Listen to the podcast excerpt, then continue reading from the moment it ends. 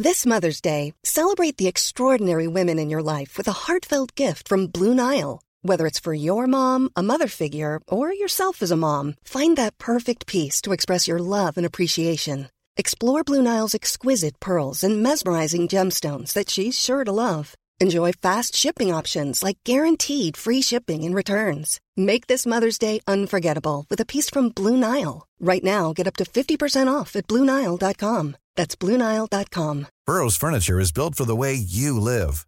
From ensuring easy assembly and disassembly to honoring highly requested new colors for their award-winning seating, they always have their customers in mind. Their modular seating is made out of durable materials to last and grow with you. And with Burrow, you always get fast, free shipping. Get up to 60% off during Burrow's Memorial Day sale at burrow.com slash ACAST. That's burrow.com slash ACAST. burrow.com slash ACAST. Since 2013, Bombas has donated over 100 million socks, underwear, and T-shirts to those facing homelessness. If we counted those on air, this ad would last over 1,157 days. But if we counted the time it takes to make a donation possible, it would take just a few clicks. Because every time you make a purchase, Bombas donates an item to someone who needs it. Go to bombas.com slash ACAST and use code ACAST for 20% off your first purchase. That's bombas.com slash ACAST, code ACAST.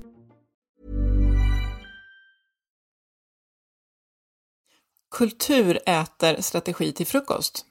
För våra beteenden, de beslutas faktiskt inte i ledningsrummet. Känner du till uttrycket papperstiger, Ann-Sofie? Ja, det gör jag. Det betyder väl en regel eller policy eller någonting som man har skrivit ner på papper eller nu kanske det finns digitala papperstigrar och fattat beslut om och sen så blir det inte verklighet. Ja, men precis. Och det här är jag säker på att många känner igen. Man har fattat beslut om något och sen är alla nöjda. Men egentligen är det ju så att det verkliga jobbet kommer ju efter beslutet, när man ska genomföra det man har beslutat. Och det här kan vara allt möjligt. Det kan vara en plan för hur ett företag ska bli mer jämställt eller ett policydokument om hur man ska jobba mer klimatvänligt. Ofta så handlar det om ganska stora frågor. Och, och just därför borde det ju vara rätt självklart att det krävs ett gediget arbete efter beslutet. Mm. Och, det, och ändå så är det ju lite det här som, som många organisationer bemöter, liksom kriser och skandaler eller behov av förändring för den delen. Att ja, men vi, vi, vi ser över våra rutiner och att det låter professionellt att, att liksom skapa dokument kring det här så att det finns dokumenterat. Det hänger kanske ihop med vår tid också med mycket dokumentationskrav. Men eh, då kan man ju undra, är det liksom dokument som ska skapas eller, eller ska vi se över själva jobbet? Ja, precis. Det är ju det som är så här pudens kärna. För oavsett hur fina visioner och policies man skapar så äts de lätt upp av den kultur som råder till vardags, alltså vad vi egentligen gör och inte gör. Verkligheten tar över och ganska ofta gör vi bara som vi alltid har gjort, så blir det ingen förändring. Och tittar man på statistik ser man tyvärr att de flesta förändringsinitiativ faktiskt misslyckas. Ja, det här har vi ju, ju poddat om och det här är ju ett ständigt liksom, Eh, huvudbry och problem att få det, få det att ske. För att ja, om man ska förändra någonting så är det ju faktiskt kulturen, eh, och den, alltså den riktiga kulturen som behöver förändras. Mm. Och kulturen kan då beskrivas som summan av våra beteenden, det vi gör om dagarna och hur vi gör det. Och det här ska vi prata om idag. Hur gör man för att förändra inte bara det vi säger att vi ska göra, utan vad vi faktiskt gör?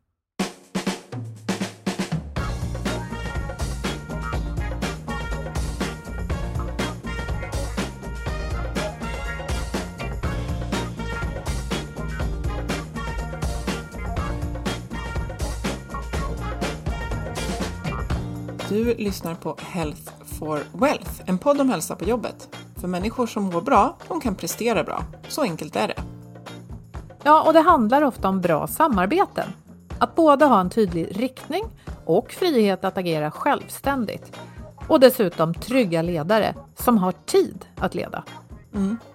Och i den här podden då tar vi ett helhetsgrepp på hälsan på jobbet.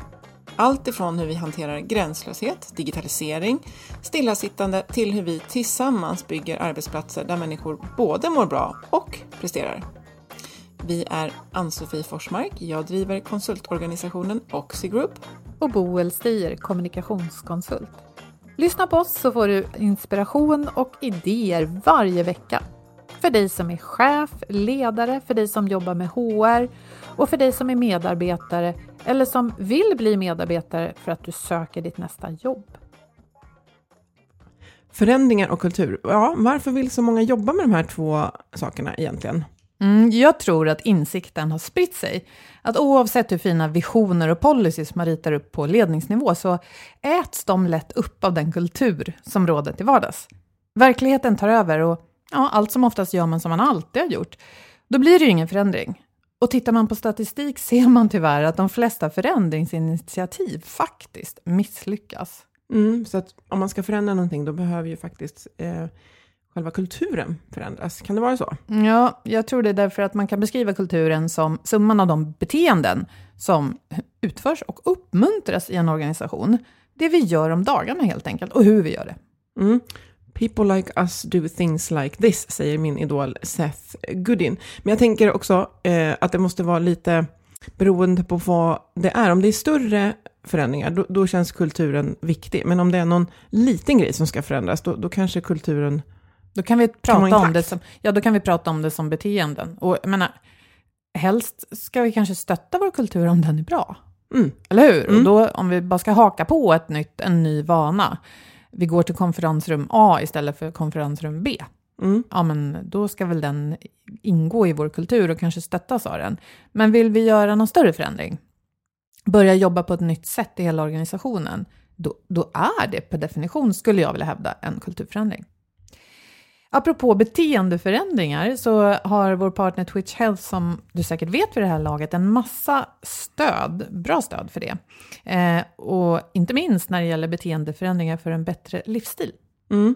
Och eh, det här är fortfarande tidigt på året och det brukar vara i fokus. Och det, det är sunt att det är, att det är i fokus. Man behöver inte skratta åt eh, nyårsplaner. Men eh, någonting som vi vet att de flesta behöver mer av, det är ju att röra sig mer på jobbet, alltså uppmuntra till rörelse på arbetsplatsen.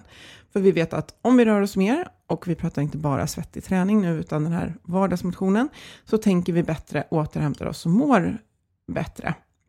Eh, men i det här fallet så vill vi lyfta fram det här med eh, de gruppträningslösningar som Twitch Health har jobbat med och kan supermycket om. Mm. Och de kan hålla i det här på ditt företag. De planerar, genomför, följer upp och framförallt kommer en av deras eh, sköna och väldigt kompetenta instruktörer ut till dig och kör ett pass för medarbetarna. Ja, de som vill förstås. Mm. Ett av passen heter just Mobility, rörelse alltså. Mm. Och jag vet att de har ju massa olika pass och just att de har jobbat med det här väldigt länge, så de vet vad som funkar, de vet hur man eh, lanserar och kommunicerar kring de här bitarna. Alltså de som behöver och vill faktiskt kommer och prövar. Mm, det, finns, precis, det finns informationsmaterial man kan sprida internt. De har till och med en app där man kan boka passet och tipsa kollegor. Mm, ni kan läsa mer på twitchhealth.se och under portfolio så hittar ni mer information om det tillbaka till kulturen och eh, förändringar. Vad, vad, vad ska man göra, Boel? Mm. Eller hur? För det kan jag mm. säga och det är jättelätt. Skoja bara. Mm. Eh, jag tänkte vi kan börja med att prata om, om vad man inte ska göra. Mm. Jag har läst en bok som heter Förändringsarbete i organisationer om att utveckla företagskulturer. Den är skriven av organisationsforskarna Mats Alvesson och Stefan Svenningsson. Och där kan man läsa om ett kulturförändringsprojekt som de följde. Det gick åt pipan. Och från den boken så vill jag lyfta upp ett begrepp som jag tycker är väldigt bra. Mm. Eh, uttrycket hyperkultur. Mm. Och vad är det då? Jo, nej men det är så här visionära, svepande uttryck som faktiskt passar bättre i fluffiga PowerPoint-presentationer än ute i verkligheten. Och det man gör då, där, och här är mitt skrå stort skyldig, man paketerar kulturen, kulturförändringen man vill göra, eh, och, och, så ser man den som ett paket som man liksom bara ger vidare till någon i organisationen och sen ska det liksom spridas vidare till alla och när alla har hållit det här paketet, då är det klart. Mm. Men eh, det är inte så det funkar. Jag kan citera ur boken. Kultur är komplext, svårt att förstå och få grepp om. Det är faktiskt motsatsen till ett paket eller ett ting. Och den här hyperkulturen då, det blir lätt en förskönad bild av hur saker och ting är, eller hur man skulle vilja att de var. Och när verkligheten är någonting helt annat, då blir ju glappet väldigt stort så att man som medarbetare till och med kan tappa förtroende för ledningen faktiskt och sluta lyssna. Mm, och det här har jag också stött på, just det här att man det är, nästan bättre att ta ner de där fina orden eller ta bort dem ur powerpointen om de inte överensstämmer med hur det känns, för att det är värre. Och det här vet jag att vi har pratat om tidigare, att vi skulle vilja vara väldigt omtänksamma och nytänkande, men det, det är vi inte riktigt ännu. Eh, vi, vi, vi, tycker allting är lite läbbigt och gillar att göra som vi gjorde igår. Och så är man liksom ärlig med det, och det görs ju inte alls som snygga kulturbegrepp, men, men det är i alla fall autentiskt att prata om det. Ja, och det är ju ett jättebra sätt att inleda en dialog. Mm. För om man, det är det här också, att det kommer det här paketet ovanifrån som är snyggt presenterat, men som inte betyder så mycket för mig som individ, det är ju ganska respektlöst mot mig. Och då tänker jag att om inte jag blir sedd som en kompetent yrkesperson, kommer jag att lyssna då? Nej, troligen inte. Nej, och sen, nu, nu vet jag inte hur det här exemplet var förstås, men jag tänker att om, man, om någon skulle komma och säga så här, vi kommer behöva göra en kulturförändring på den här organisationen, så, så jag, obstinat egenföretagare i och för sig, skulle känna så här, va? Alltså, det, man kan inte säga att man, eller kan man det? Kan man säga att man ska göra en kulturförändring? Men det som är viktigt är just att uttrycka sig i ord och begrepp som människor kan eh, som betyder något, ja. som får en mening för mm. mig. Eh, klurigheten här är att dels behöver man ju faktiskt väcka människors känslor. Mm. Eh, och måla upp en bild av varför det här behövs. Och fluffet, hyperkulturen, kan ju vara känslomässig. Mm. Men eh, problemet är då att det både måste vara på det här känslomässiga planet, men sen också vara konkret. Och det här du nämnde, att ställa en fråga. Alltså, här har vi ett problem, men att överlåta lösningen delvis till medarbetarna, det är smart. För då mm. inleder man dialog. Jag vill ju gärna bli tillfrågad som den här kompetenta yrkespersonen jag är. Om det är så att man tycker, ja men nu ska vi bli mer kundorienterade. Mm. Till exempel ett sånt där vanligt begrepp. Ja, okej, okay. det kan ju i och för sig låta bra initialt om jag själv då tänker, ja men kunden är ju viktig för oss. Ja, då liksom sluter jag det glappet lite grann. Men eh, varför är det viktigt? Ja, men det kan ju räcka med att vdn lyfter upp en, en undersökning man har gjort där det visar sig att kunderna eh, inte tycker att vi kommer med särskilt bra lösningar på deras problem. Mm. Oops! Och så kanske vdn säger, vi vet ju att vi har så bra grejer, produkter, tjänster. Men vi måste nog vara lite mer pedagogiska i hur vi berättar om det för kunderna. Mm. Och koppla ihop dem med kundernas problem. Och då, vet ni, då kommer det hända grejer. Liksom någonstans där. Men säga då att, och jag behöver ju er hjälp för att lösa det här. Mm. Hur tycker ni att vi ska gå vidare? Vad hjälper och skälper dig i din yrkesroll varje dag? Mm. Den frågan skulle jag vilja ha som Mm. som enskild medarbetare. Och, och, där, det du beskrev nu, du behöver inte ens använda ordet kultur, utan genom att Nej, vi flyttar det där fokuset, gud, vi ska hjälpa våra kunder bättre, vilket de allra flesta vill göra på jobbet, om man jobbar, oavsett vad man kallar sina kunder, brukare eller patienter eller vad det är, eh, och om man får förutsättningarna, så, så kan man ju sen kanske titta på det och säga så här, kände, har ni också känt att under det här arbetet så har vi, det har skett en förändring i hur vi är mot varandra. Eh, liksom det är mer framåtriktat, vi vågar lyfta bra idéer, där, och det identifierar man som en kulturförändring ja, kanske. Ja, mm. exakt. Sen behöver mm. man inte rubricera den som mm. sådan. Eh, för kultur kan, vi, det kan ju också vara att gå på teater. Jag menar, även det behöver ju definieras. Mm. Men här snackar vi om beteenden och jag tycker det är rätt mm. bra att koppla tillbaka till OBM, Organizational Behavior Management, som mm. vi pratade om i avsnitt 135 med Leif Andersson. Precis. Eh, där finns bland annat de här fyra F som behövs behöver vara på plats om man vill mm. göra en beteendeförändring. Färdriktning, färdigheter, förutsättningar, förstärkare. Ja. Och tanken är ju många gånger att det här då som lätt blir en hyperkultur ska vara färdriktningen. Eh, mm. men jag är då, och det här har ni som har lyssnat hört förut i avsnitt 122 och 69 pratar mm. vi om kultur och värderingar. Alltså, ja, värdeord är lite så här käpphäst för mig. Det kan funka, Eh, det kan det göra. Men ofta är det något man pliktskyldigt klämmer ur sig och som sen inte beskrivs särskilt detaljerat och konkret. Vad det ska, mm. vad det ska ge, alltså, hur det ska användas i praktiken. Och då blir det en sån här hyperkultur. Mm. Vi, jag kan bjussa på att jag gjorde en sån här värdeordsövning med den här nya organisationen som jag hoppas att jag får berätta om snart.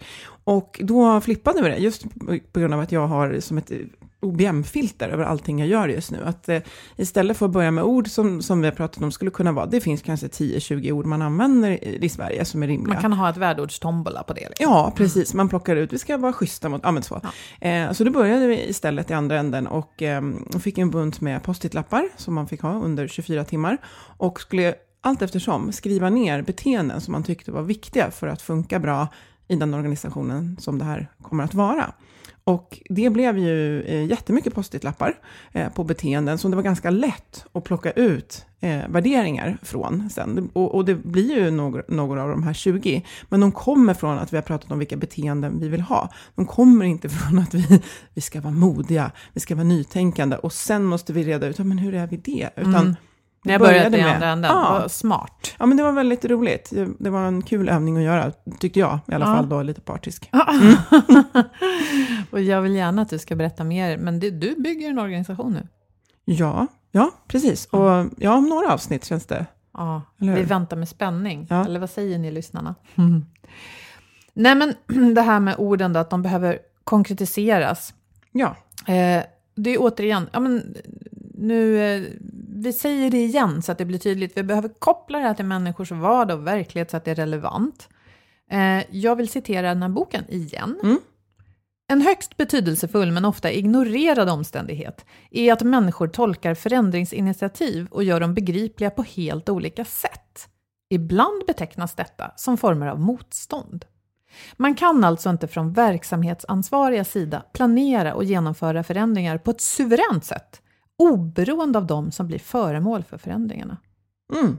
Ja, och tillbaka till Leif Andersson OBM. Det bästa om du vill se beteendeförändringar är att hålla fram problemen ni ska lösa för medarbetarna. Och som du var inne på, tillsammans resonera er fram till vilka de bästa lösningarna är. För du beskrev det här att man vill känna att man blir tillfrågad för sin professionella kompetens med att, lösa problemet. Alltså vi, jag behöver, vd jag behöver er hjälp. Känns ju väldigt sunt och trevligt. Och sen kan man ju vara vd över 40 000 människor. ja, Och då blir det svårt att sitta runt ett eh, runt bord och Mm. diskutera. Men det finns ju andra sätt, digitala sätt. Och man Mm. är ofta organiserad i mindre grupper längre ner. Mm. Det här går att göra, men eh, det som är knepigt här och det man helt missade i den här studien, eh, inte i studien, utan i det här verkliga exemplet som man följer i boken. Ja. Det var att man lanserade det här då på en hypernivå och sen tog ingen ansvar för vad som skulle hända sen. Mm. Man liksom ordinerade chefer att hålla workshops. Cheferna visste inte riktigt eh, vad, varför, eh, vad det hela skulle leda till. Och det signalerade rätt tydligt till alla medarbetare att det här var ju inte så himla viktigt, utan det var mest något som skulle bockas av i en agenda och sen var det klart. Mm. Men kulturen, det är ju ingenting som blir klart, Nej. återigen då. Nej, som du sa där, det pågår hela tiden. Och så fort det kommer in en ny person i en arbetsgrupp eller någonting annat så, så förändras den. Mycket eller lite. Och en, eh, en stor fallgrop med värdeorden, jag menar, nu har ni gjort på ett klokt sätt och det finns många som använder det här klokt och bra. Men en viktig fallgrop är det här att, eh, som Mats Alvesson också håller fram i den här boken, att prata om det självklart goda. Det blir lite märkligt, det går ju inte att säga emot. Om jag säger så här, men vi ska vara respektfulla mot varandra i den här organisationen. Det går inte att säga emot. Det är i alla fall svårt. Nej, jag skulle gärna vilja köra över folk. Är det okej? Alltså, Du kan inte inleda en dialog på det sättet. Så ehm, ja, och och det kan man ju då, mm, man kan ju till exempel fråga sig vad är motsatsen till respekt? Ja, och redan där har man inlett en dialog, det är så man måste göra. Ja. Och en annan grej är, apropå det här med respekten för medarbetarna, yrkespersonerna. Vi måste ju prata som om att det är vi som ska förändras. Alltså inte ledningen som pekar på de andra där ute, utan det är ju lika mycket ledningen själv. Eh, och all bra kommunikation bygger ju också på det här. Att det jag säger måste jag också göra. Det är så jag bevisar att det är sant och viktigt. Så det här hänger ju rätt mycket ihop med god kommunikation skulle jag säga. Ja. Ja utan den så blir, då, händer, då händer ju ingenting. Men jag tänkte så här, man kan ju försöka konkretisera det här. Säg då att man, ja, hur man ska göra och inte göra. Om, Mm. om man, eh, vi tar ett exempel, en, en nödvändig förändring. Man kanske kommer från en myndighet Mm. och så är man eh, en avdelning som ska bli ett bolag och då blir mer inte bara mer kommersiell, utan faktiskt bli Mm. kommersiell. Det är en väldigt stor eh, förändring. Tidigare kanske man har mer fungerat som en ordermottagning, att man utför de uppdrag man så att säga får. Men här behöver man lära sig att ligga före. Eh, se kundernas behov kanske nästan innan de själva ser och föreslå lösningar. För det är det som är bra försäljning. Och istället för att då säga att ja, vi ska vara innovativa och modiga, som ju är liksom ganska långt ifrån det här att lyfta luren, ringa ett samtal, eh, inleda en dialog med kunden, så skulle man kunna beskriva det här som en berättelse. Ja, men se vår historia och vara stolta över den. Alltså vi kommer ur svenskt samhällsbygge, skulle det kunna vara, om, om det handlar om vård till exempel. Vi är stolta över vår historia, idag använder vi den här spetsteknologin, för det kanske är det allting bygger på. Då. Mm. Eh, som tillsammans med alla kompetenta yrkesvårdare stoppar lidande, räddar liv, vad det nu skulle kunna vara. Och för att kunderna då ska förstå vad vi har att erbjuda så måste vi berätta det för dem. Mm. Liksom så enkelt kan det faktiskt vara. Mm. Och jag tänker det här med kommunikation också. Jag tror att alla ledare i en sån här förändring behöver ha ett antal berättelser Ja. ur verkligheten i bakfickan och kunna dra dem om och om igen. Ja, men Malin hon var ute på ett sjukhus för att ta hand om en installation av något system. Ja. Och då tog hon tillfället i akt att berätta för kunden om vår nya lösning, vad det nu var. Kunden blev eld och lågor. Alltså försäljning, kundorientering eller mod om vi vill. Det är något som alla kan ägna sig åt. Ja, och som sagt att ha så här, autentiska och riktiga och relevanta exempel i, lite i bakfickan och repetera utan att det känns skitnödigt. Alltså så, eh, för, det, det blir ju på riktigt då, istället för att stå och prata om någon, någon långt fram högdragen vision, fluff, hyperkultur, så konkreta exempel. Så. Eh, och det är de vi behöver sprida. Ja, Mm. och återigen där med kommunikation. Vi gillar ju berättelser, Mm. för en berättelse den sitter liksom ihop, det finns något logiskt i den. Mm. Den behöver inte förklaras, den förklarar ju sig själv. Mm. Mm. Och sen om man går ner på, det, på detaljnivå, ja, men när den här färdriktningen är på plats, att man fattar varför det här behövs. Jag menar, man kan ju välja att säga upp sig om man har en egen värdering att nej, men jag jobbar inte för kommersiella bolag. Jag vill bara jobba för myndigheter. Ja, men kanske man får, eller hur? Så. Då blir den tydlig också. Men om man är med på tåget tycker jag, ja, men det här ska ju bli intressant. Vad, liksom, hur, hur ska man se till att färdigheter och förutsättningar är på plats? Ja. Och om vi använder de här begreppen då från OBN igen. Eh, vad behöver jag för färdigheter skulle du säga, Ann-Sofie, för att kunna göra på ett nytt sätt här och börja sälja när jag inte är van vid det? Ja, och det, det är ju mycket. Alltså jag tänker, men just att man, man ehm, också som jag tog med mig från, från det, att man, man lätt tänker, ja men det är ju bara att lyfta luren. Alltså så här, ja, men jag vet inte om man inleder ett samtal på ett bra sätt och fångar intresse och eh, den här liksom tratten liksom som, man, som man lätt pratar om när man pratar sälj. Att man behöver faktiskt gå igenom, alltså också låta medarbetarna själva uttrycka. För att syftet är ju klart, vi ska, vi ska få folk att köpa det här. Och att kanske själva få tala om vilka eh, färdigheter de känner att de skulle behöva, men också förekomma och säga vi tror att man kan behöva vara bra på det här, men det kan vara mer än man tror, tänker jag. Ja, exakt. Jag, ska, jag ska alltså inleda en annan typ av dialog med kunden än jag brukar. Hur Ja. går det till då? Det kanske fortfarande är så i ett övergångsskede att jag kommer ut och liksom installerar något. Jag har redan ett färdigt uppdrag. Hur gör jag då för att inleda en annan typ av dialog? Ja. Då kanske man behöver göra rollspel. ja, och rollspel är ju bevisat ex- alltså otroligt effektivt just för att eh, då tränar man ju på riktigt att kunna göra, alltså så. Eh, Istället för att bara sitta och läsa ett manus till exempel, utan faktiskt få testa på dig och du ställer frågor tillbaka. Och så säger så, ja fast vi har redan det där. Och jag vet att, ja fast de skulle behöva det här också. Hur, hur gör jag då? Så. Hur formulerar jag mig? Och så Ja. kan man tillsammans liksom klura ut hur, hur, hur kan jag göra det här så det passar just mig också. Mm. Och jag tänker att i, i det här skedet just med, eh, när det gäller färdigheter, eh, så är det ju i en kultur där man inte vågar säga att hörni, jag, jag kan faktiskt inte det här, eh, så blir det ju väldigt svårt att fånga gapet mellan vilka färdigheter som finns och behövs. Så här behöver man ju också jobba med liksom, tilliten eh, i att, att kunna, kanske som chef, bjussa på att jag, jag har verkligen fått här, kämpa med att lära det här mig själv. Jag kan ge ett exempel på när det inte gick bra, bara för att visa att det är okej att säga att ja men vad skönt, för att jag känner själv att jag tycker inte om att ringa, ringa så, eller vad det nu kan vara. Och det är ju nog precis, det är en klassisk jättebra metod. Mm. Att som du säger, själv som ledare bjussa på vad är det jag behöver förändra. Mm. Och hur det känns. Oj, nu känner jag att jag är lite på hal is. Men Mm. hörni, jag har ju mig, er med mig. Mm. Jag har, vi är ju tillsammans i det här. Jag har er i mig. Ja, precis. Eh, på mig, under mig. Ja, det blir nog Riktigt bra. stökigt. Det blir Ja. nog bra. Ja, nej men eh, förutom färdigheterna då, behövs ju förutsättningar. Ja. Och vad skulle det kunna vara i det här fallet med Malin och sjukvårdsinstallationerna? Ja, men det här med liksom kon kontaktytor Mm. eh, och tid. Eh, att det Ja. finns allokerad tid till att, eh, vilket också så här, det kommer ta, en beteendeförändring behöver lite extra tid för att sätta sig i början innan den sker mer, när man är så ah, men här har jag fem minuter och jag kan slänga in ett samtal. I början kanske du behöver, jag behöver 30 minuter till att, Och här gör man nog Mm. ofta eh, ett fel, skulle jag tro. Mm. Att ah, men nu kommer det här nya, då sätter vi ett mål. Vi ska öka försäljningen med 50% första halvåret. Alltså, Mm. det känns ju härligt att sätta mål, för det blir konkret. Vad ska det här resultera i? Mm. Ja, men sju nya ordrar på ett halvår, om de, ja, kan vi säga.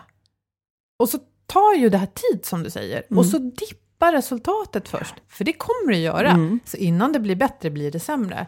Och så var man inte beredd på det. Och så backar alla och säger, nej hörni, det går inte. mm, Vi kan inte jobba så här, det leder ingen vart. Och då behöver man ju, det här vi pratade om i början, då behöver ju förväntningarna ha varit realistiska från början. Mm. Och det kanske är så också att man börjar i liten skala, att en grupp börjar med det här. Och sen kan rapportera till övriga. Hörni, nu har vi varit ute i verkligheten och testat det här nya. De här minerna gick vi på. mm. Aj, liksom. Men det här, det funkade faktiskt. Och då kan man orka hålla i förändringen. Mm. Men för, för jag tänker, man ska också kunna vara en medarbetare som då säger så här, ja, är det kundorienterat att säga att vi kommer inte jobba med er om inte ni köper vår speciallösning. För det är vår nya kärnverksamhet. Mm. Nej, Nej, man måste ju möta kunden där de är. ja, Mm. men den, måste, den diskussionen måste man ju ha. Mm. Ja, Ja, precis. Och, eh, och när man är överens om vad man behöver göra så är det här med förstärkare otroligt viktigt. För annars kommer, ja men nu gjorde jag ju nytt. Och det var ju mest jobbigt första Mm. tio gångerna och det kom ingen, som du säger, det kommer kanske dippa i resultatet för det kommer ta tid att eh, få in det här nya sättet. jag kände mig dum. Ja, precis, kände mig dum, obekväm. Ingen såg Eh, vad jag gjorde. Ja, och då vet vi att eh, det här liksom, alltså att det kommer, det klirrar den 25, det, det är inte så eh, liksom, långsiktigt tänk, utan just det här Nej, få för den här ingen sociala den. återkopplingen Mm. eh, från chefer och ledare och kollegor Kollegor. som man eh, har respekt för och bryr sig om vad de tycker. Mm. Och kanske också eh, kunden, men de kan man ju kanske inte be vara förstärkare, utan man får Bara hoppas, att de... Ja. att de blir glada. Mm. Nej, men precis. Och det är ju ledarens uppgift. Att Mm. vara där, att förstärka, säga jag ser att du anstränger dig. Mm. Snyggt, härligt. Vi vet vad målet är och dit ska vi. Mm. Fortsätt, det ser jättebra ut. Mm. Ja, det behövs verkligen. Så om vi drar eh, lite slutsatser från det här. Mm. Kultur är inte något vi har, utan något vi gör. Varje dag skapar vi en kultur på jobbet, antingen någon ber oss om det eller inte. Mm. Och just att man kan säga att kulturen är ju de beteendena som förstärks i en organisation. Och man kan bryta ner det till någonting väldigt liksom, enkelt. Och, och, nu håller du en kaffekopp och vad du gör med den kommer jag, om du gör någonting som vi inte brukar göra, du bara ställer ifrån dig den. Så jag säger så här, du den ska stå, vi brukar ställa dem i diskmaskinen på en gång. Det, alltså det är en sån här kulturgrej också. Mm. Mm. Eller till exempel på det här mötet så pratar alltid bara Agnete och ingen annan. Och det är också en kultur som kan ha satt sig. Är, Det ska bli lite Ja, spännande. det ska bli jättespännande. Eller under den här poddinspelningen pratade bara Agnete. Det skulle Ja. vara spännande. Ja, det var Efter mest fyra år. avsnitt Ja, någonsin. Hon fick köra en monolog efter fyra år. Helt, yes. Ja. Och det här med värderingar, de ligger Mm. så att säga under eh, beteendena eller bakom. Alltså, eh, kulturen, eh, det finns ju normer och värderingar där naturligtvis, men de kan se rätt olika ut för oss alla. Och eh, vi, det är ju också så, det här kan man ju prata länge om, vi, vi rationaliserar ofta och tänker att jag gör så här därför att det här är min värdering. Mm. Men i själva verket visar det sig att jag gör nog så därför att det förstärks. Mina kollegor ger mig uppskattning, ja typ. Och sen att inreda, in, med tanke på hur många eh, förändringar som inte genomförs, eh, så, så är det ju liksom bättre att sätta ribban det är inte att vara tråkig. Sätt rim, ribban på en rimlig nivå. Vad är liksom realistiskt att vi faktiskt kan åstadkomma? Och sen åstadkomma det, kunna landa i det, fira det, för det blir en förstärkning till att And now what? Nu kan Mm. vi göra något mer. Mm, då orkar vi. Ja, för det är trögt och det tar tid att förändra. Och eh, man behöver planera för ett långsiktigt arbete Mm. och hålla i det över tid. Och det kommer att vara fallgropar längs vägen. Mm. Och man behöver den här symboliken och riktningsvisare, alltså Mm. färdriktningen. Men det, det, det får inte vara för fluffigt. Nej. Det måste ha med människors verksamhet, verklighet och verksamhet att göra. Mm. Och det måste vara vi som ska förändra oss, inte Mm. dem. Nej, inget via dem. Och de här nya arbetssätten, de behöver ju konkretiseras på alltså, detaljnivå. Eh, och här tänker jag också att man känner att man, men herregud, det här är ju självklart. Och det är just det här att det är klart för själv, men det behöver inte vara klart för någon annan. Om jag skulle gå in i någon typ av säljprocess och sitta och ringa samtal, skulle jag verkligen behöva detaljhjälp som jag sen kan freebasea ifrån när jag börjar känna mig trygg. Mm. Det var som Eh. när vi började podda. Jag Mm. menar, har vi någonsin behövt ett manus så var det väl den gången. Ja. Nu skulle vi kunna freestyla, även om vi har lite så här pappersstöd. Mm. Eh, ja, för nu Precis. vet vi. Ja. Ehm, ja, och dialog, inled dialog och se yrkesmänniskorna. Ja, precis. Istället för hyperkultura, fluffiga. Mm. Och att det är fint att det är ledningen som, som fattar besluten. Det, det kan skapa också en viss trygghet. Men eh, även om de, om de inte snackar med medarbetarna först och kollar hur de har det, då kommer inga strategier eller värdeord bära speciellt länge. Mm. Och till slut då, man behöver faktiskt inte arbeta med värdeord. Ett ord som jag eh, tycker är konstigt. Jag tycker också att ordet värdegrund är ganska konstigt. Värderingar är ett ord som jag tycker är mycket bättre. De kan man uttrycka i de gemensamma symboliska berättelser som man använder över hela företaget för att få alla att jobba i samma riktning.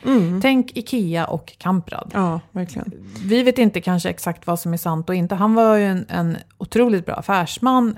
Storyn har ju blivit då att ja, men smålänningen som inte gör av med pengar i onödan utan sparar och gnetar och ser till att andra kan eh, till ett bra pris få schysst hem. Ja, Så många som möjligt. ja, precis. Och den storyn är ju bra. Den står den jättebra. Och eh, otydlighet i sig, det kan, leda till, alltså det kan leda till förvirring, förakt och uppgivenhet och frustration. För att, ja, vad är det ledningen hittar på? Liksom? Och det kan göra det svårare att få med sig medarbetare om man inte är tydlig. Och ibland kan man vara tydlig med att just nu vet vi inte, och det är också ett sätt att vara tydlig. Världen känns voka, volatil, osäker, komplex och motsägelsefull. Och vi kommer göra allt vi kan för att göra det tydligt här. Det är ett sätt att vara tydlig det också. Mm, verkligen. Ja, vad kul det var att lyssna på det här igen, Ann-Sofie. Ja, och det här är ju verkligen någonting man, man eh, både behöver påminnas om men också agera på ofta. Att det är just det vi gör varje dag som kommer spela roll för våra resultat, eh, både mellanmänskliga och siffrorna för den delen. Inte det vi skriver på papper eller säger en gång om året. Exakt. Resultatet hos kunden, resultatet på sista raden, allt det där som faktiskt avgör företags överlevnad kommer från just vad vi gör och hur vi gör det.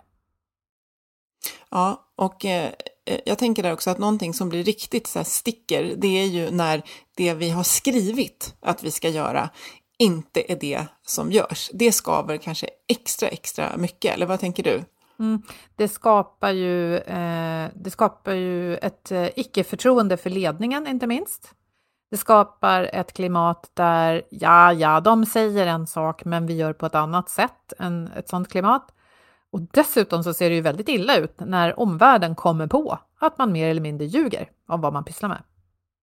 Ja, precis. Och det, det urholkar ju kraften för liksom fortsatta förändringar, tänker jag också. Att om vi har lanserat en stor liksom, vad det nu är, förändringsresa, transformation, alla håller på att transformera sig just nu på olika sätt. Eh, Och så beskrivs det hur det ska gå till och vi ska göra mer av det här. Och så, och så blir det, liksom, det blir en väldigt många elefanter i rummet som springer runt som är ett tecken på att men det, här, det här gör vi ju faktiskt inte. Vi ska vara en platt organisation, vi ska vara agila, eh, vi ska vara lyhörda, vad det nu kan vara. Och så känner man bara att, ja, nej. Eller till exempel kanske sitta i ett eh, om man nu gör det på riktigt, kanske sitta i ett mötesrum där det står mötesregler, kanske uppskrivna på någon typ av på bordet och, och så efterföljs de inte därför att kulturen är något helt annat än det här formalien som vi har skrivit. Alltså jag skrattar, men det här är också Ja. ehm, Svart humor. svart humor, verkligen. Och det är ofta jag läser vad eh, chefer och prominenta personer säger publikt och vad marknadsföring säger om ett företag och så tänker jag, hmm, hmm, mm. är det verkligen så där eller skrattar medarbetarna åt det där? Ja, för varje det, dag. Ja. Mm. Precis, ja, ja, det där är jätteintressant. Men just det där jag tänker att eh, det är ju såklart lättare att sitta och skriva ett, ett, ett policydokument eller regler eller bestämma hur saker och ting ska göras.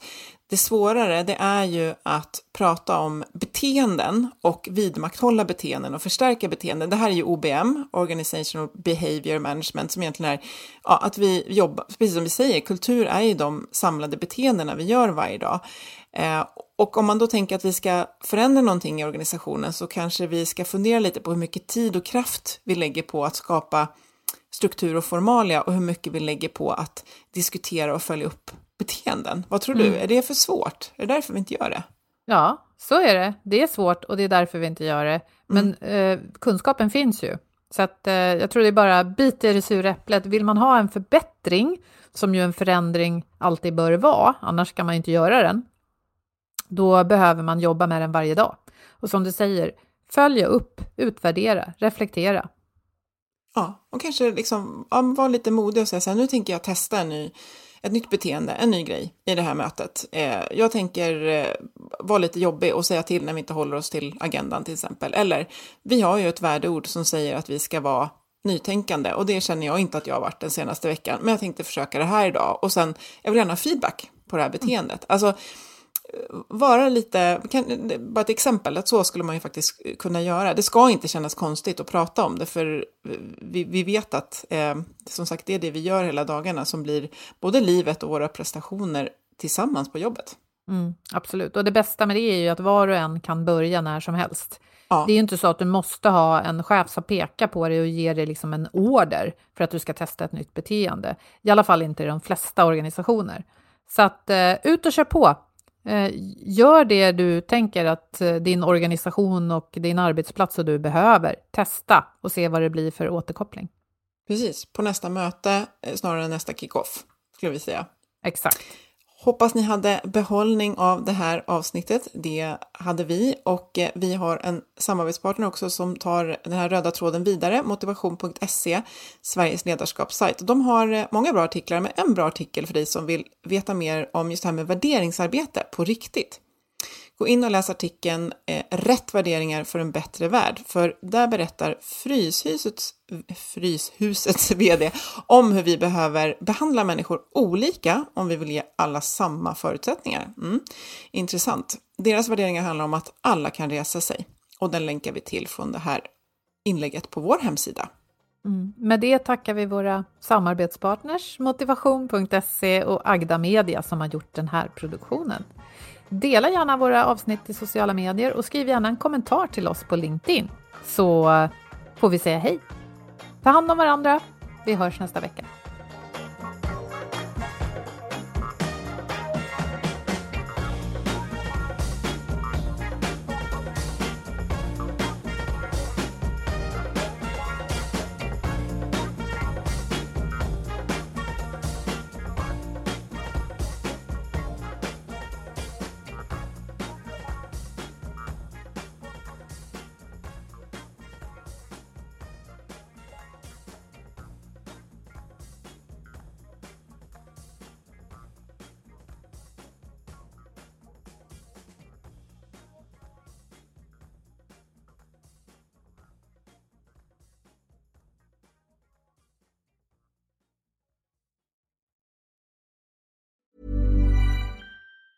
Hi, I'm Daniel, founder of Pretty Litter. Did you know cats tend to hide symptoms of sickness and pain? I learned this the hard way after losing my cat, Gingy. So I created Pretty Litter, a health monitoring litter that helps detect early signs of illness by changing colors, saving you money and potentially your cat's life. Pretty Litter is veterinarian developed, and it's the easiest way to keep tabs on your fur baby's health right at home. Go to prettylitter.com and use code ACAST for 20% off your first order and a free cat toy. Terms and conditions apply. See site for details. Planning for your next trip?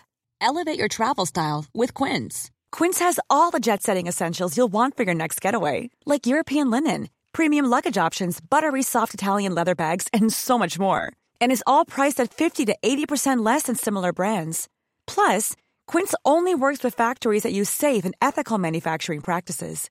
Pack your bags with high-quality essentials you'll be wearing for vacations to come with Quince. Go to quince.com slash pack for free shipping and 365-day returns. A lot can happen in three years, like a chatbot may be your new best friend. But what won't change? Needing health insurance. United Healthcare Tri-Term Medical Plans, underwritten by Golden Rule Insurance Company, offer flexible, budget-friendly coverage that lasts nearly three years in some states. Learn more at uh1.com.